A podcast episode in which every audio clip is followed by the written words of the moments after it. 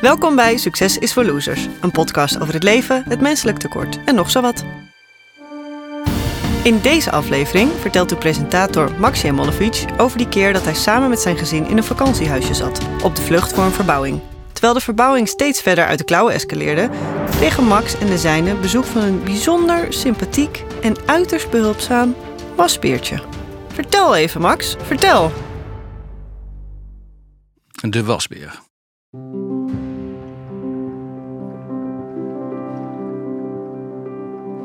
De ochtenden zijn het mooiste hier.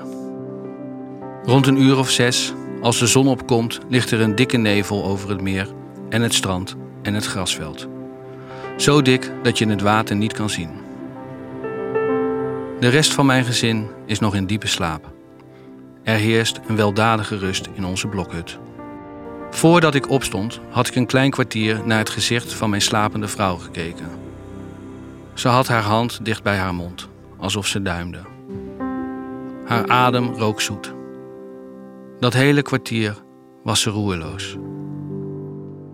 Droom je eigenlijk de hele tijd als je slaapt? Of heb je maar een paar dromen per nacht?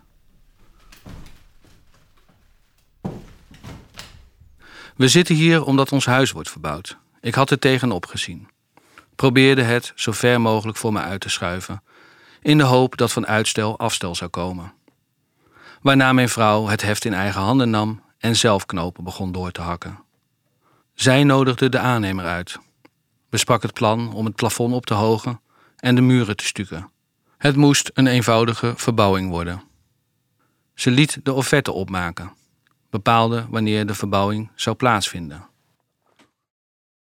Pas gisteren, de dag voordat de aannemer zou beginnen, toen we bijna klaar waren met het afkrabben van het behang, opperde ik om de schouw eruit te halen. Dan zouden we daar de boekenkast neer kunnen zetten. Weet je het zeker? zei mijn vrouw. Toen we dit huis kochten, waren we juist zo blij geweest met onze schouwen. Ik wist het zeker. Met pijn in het hart stemde mijn vrouw in. Toen we de kamer leeg hadden gemaakt, wist ze dat het de juiste keuze was. Bovendien, we hadden nog een schouw over in de voorkamer, met daarnaast twee kasten waarin cd's en administratie pasten. Ik doe de deur open en stap naar buiten, de veranda op. Het bedauwde gras glinstert van het zonlicht. Ik leun op de reling en snuif de geur van deze ochtend diep naar binnen. En terwijl ik zo grondig inadem, hoor ik achter mij iets ritselen. Hondennagels op een gladde parketvloer. Ik draai mij om en zie het gordijn bewegen. Voorzichtig loop ik terug en schuif het gordijn zo geruisloos mogelijk opzij. Binnen op tafel zit geen hond, maar een wasbeer. Hij heeft het zakje pinda's gevonden dat mijn schoonvader heeft achtergelaten. Als ik in de deuropening verschijn, kijkt hij me geschrokken aan. De staart trilt, de oren omhoog, de rug gekromd. Zijn kaken stoppen even met malen en gaan dan weer verder. Aan zijn ogen zie je dat hij niet heel goed weet hoe te handelen in deze situatie. Weet hij dat hij iemands huis is binnengedrongen? Maakt hij de koppeling tussen het huisje en mij? Of ziet hij ons huisje als onderdeel van zijn bos en ben ik niet meer dan een indringer die een aangenaam moment in zijn leven verstoort? Terwijl ik zo in mijmeringen verzonken ben, schiet de wasbeer ineens langs mij heen, naar buiten toe. Ik roep hem nog na dat hij altijd langs mag komen en dat hij niks van mij te vrezen heeft. Die avond nam de aannemer mij in alles mee wat ze waren tegengekomen. En dat was nogal wat. Hij had me een uur eerder gewaarschuwd dat er het een en ander te bespreken was. Het was niet mis. Zoiets zie je niet vaak. Ja, had hij gezegd terwijl hij zijn hoofd schudde. We zijn wel wat gewend in de 19e eeuwse huizen van Assendorp. Maar hier is ergens in de late jaren 70 een beunhaas bezig geweest, zoals je die zelden tegenkomt. Een weerwar van bedradingen, waterleidingen met een diameter waarvoor geen enkel koppelstukje meer te vinden was. Een stalen balk die om onverklaarbare redenen scheef was aangebracht en op een veel te dun muurtje rustte, waardoor er ter extra ondersteuning een stalen paal onder was gezet. Misschien was de balk te lang geweest en hadden ze de apparatuur niet om hem in te korten. Dan maar schuin. Er waren doorgerotte balken die werden ondersteund door een additionele dikke balk met wichtjes die geen enkel nut meer dienden. Het plafond was betimmerd met talloze latjes om de plekken te verstevigen waar het plafond was doorboord, dat soort dingen. Het moest allemaal gestript worden en daarna vervangen. De basis moet goed zijn, zei de aannemer. Alles begint bij de basis. Als de basis niet goed is, kun je de rest net zo goed niet doen. Ik stemde in met alles wat de aannemer mij voorlegde. Ik hoorde mezelf teksten zeggen als: Als je het doet, moet je het goed doen. Toen we alles hadden doorgenomen, waren we anderhalf uur en honderden niet begrote euro's verder. De volgende ochtend sta ik weer op de veranda van onze blokhut. De zon is verdwenen en er is regen voor in de plaats gekomen. Terwijl ik van de lentegeuren geniet, schiet de wasbeer naar binnen om pindaatjes te eten. Ik heb er expres wat op tafel gelegd. Dit keer echter, als ik in de deuropening kom te staan, blijft de wasbeer rustig dooreten. De houding is nog steeds hetzelfde. Het soort houding van waaruit je alle kanten op kan. Als een strak gespannen veer. De rug gekromd, de oren gespitst, alleen zijn staart trilt niet meer. Terwijl de wasbeer eet, ga ik rustig op de bank zitten. Je woont in een mooie buurt, zeg ik tegen de wasbeer. Gisteren zagen wij een haas over de akker springen. De dag daarvoor liep er een eekhoorn voor onze fiets uit. En de dag daarvoor stond er een hert met jong op een open plek tussen de kastanjebomen. Mijn dochter noemt het hier het magische bos. De wasbeer likt het zout van zijn poten, kijkt mij allervriendelijkst aan, stapt rustig van tafel op een stoel, daarna van de stoel op de grond en loopt op vier poten ons chaletje uit.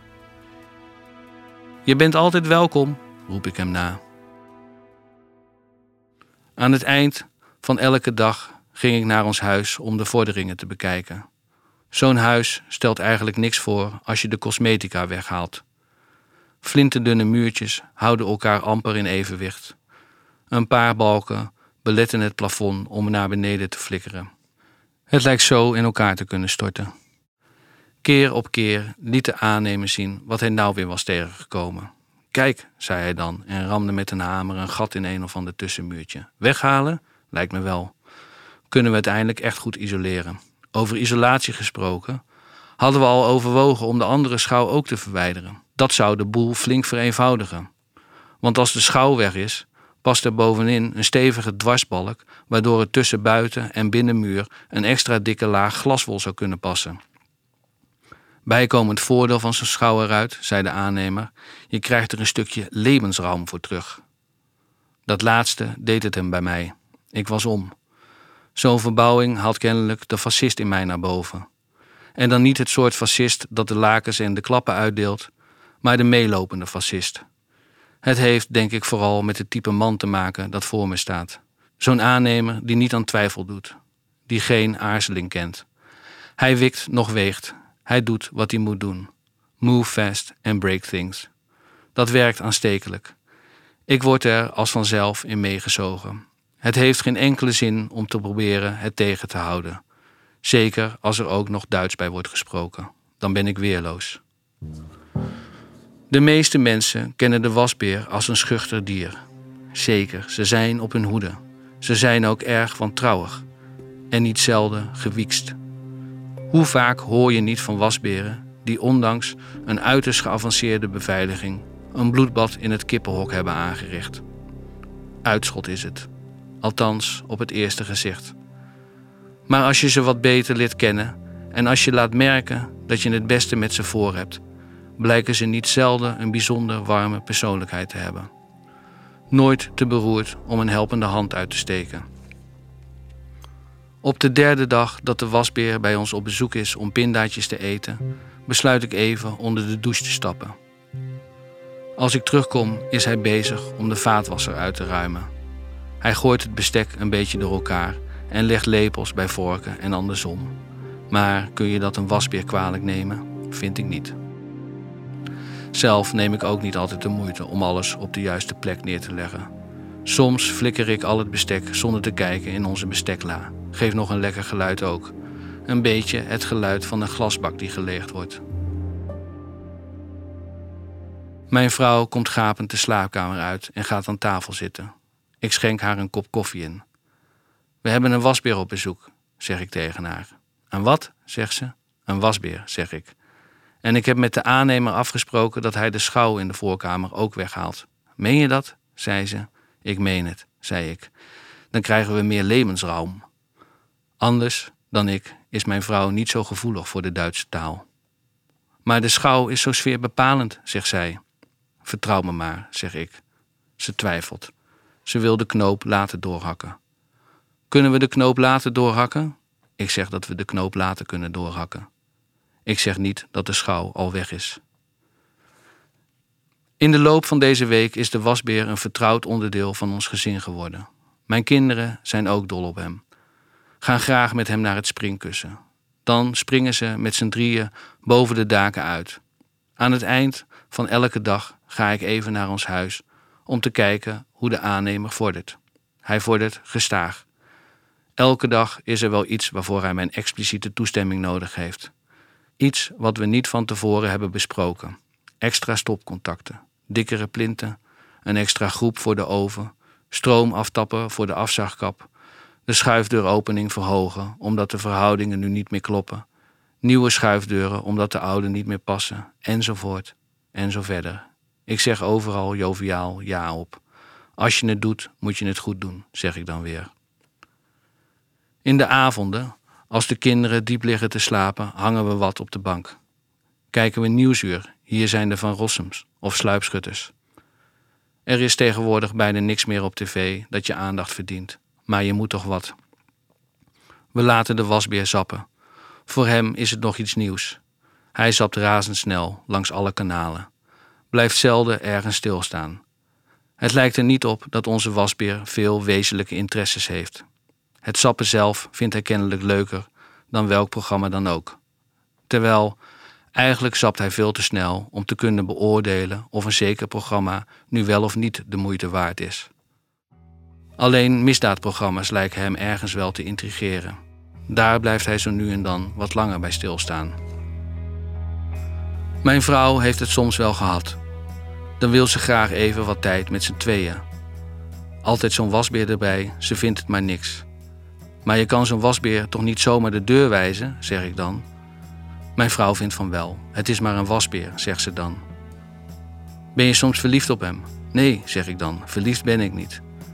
Maar het is prettig gezelschap. Bovendien, het is maar tijdelijk. We blijven hier hooguit twee weken. Mijn vrouw is bang dat ik de wasbeer meeneem. Ze ziet hem thuis ook al op onze bank zitten. Hmm, zeg ik. Dat zou inderdaad wel gezellig zijn. Hij kan in onze schouw wonen. Dan maken we daar een behagelijk holletje van. Met kussentjes van rood velour. Mijn vrouw denkt er even over na. Bij nader inzien, zegt ze, lijkt het me inderdaad beter om die schouw weg te halen. Ik sput er nog even voor de vorm. Maar ga dan akkoord.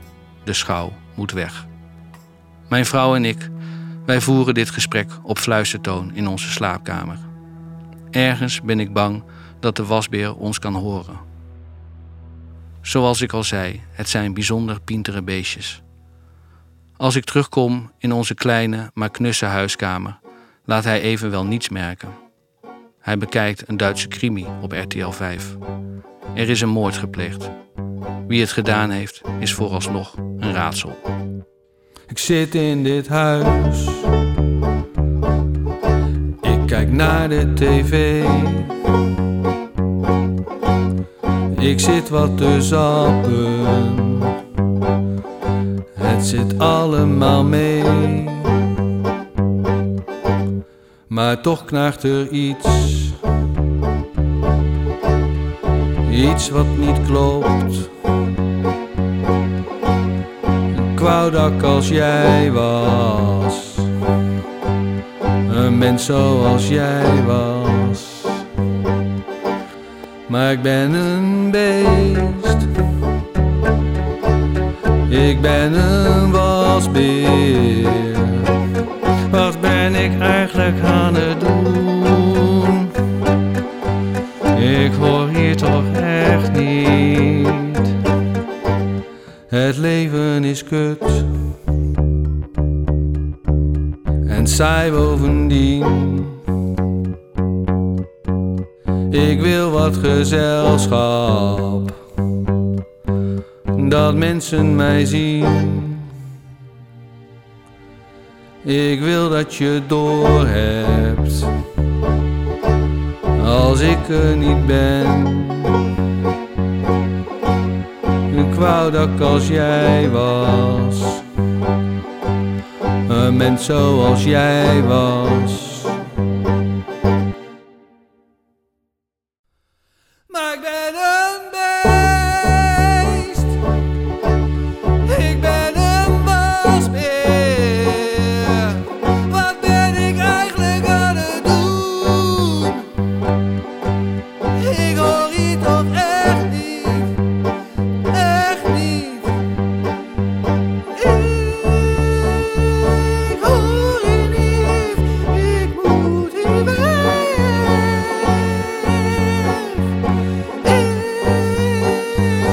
Ik hoor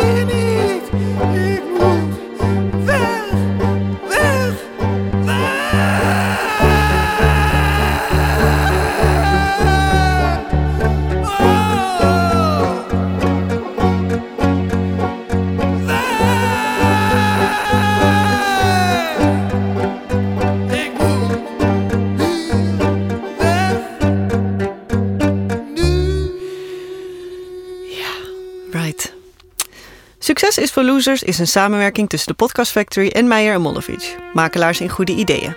Onze dank gaat uit naar het grote Radiohead voor de melodie van het eindlied. Aan deze podcast werkten mee Reiner van Zalk, Maurits Colijn, Mark-Joost Meijer, Max J.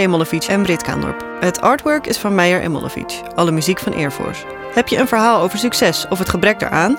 Stuur een mailtje naar succesisvoorlosers@gmail.com. Bedankt voor het luisteren en tot de volgende aflevering. Later!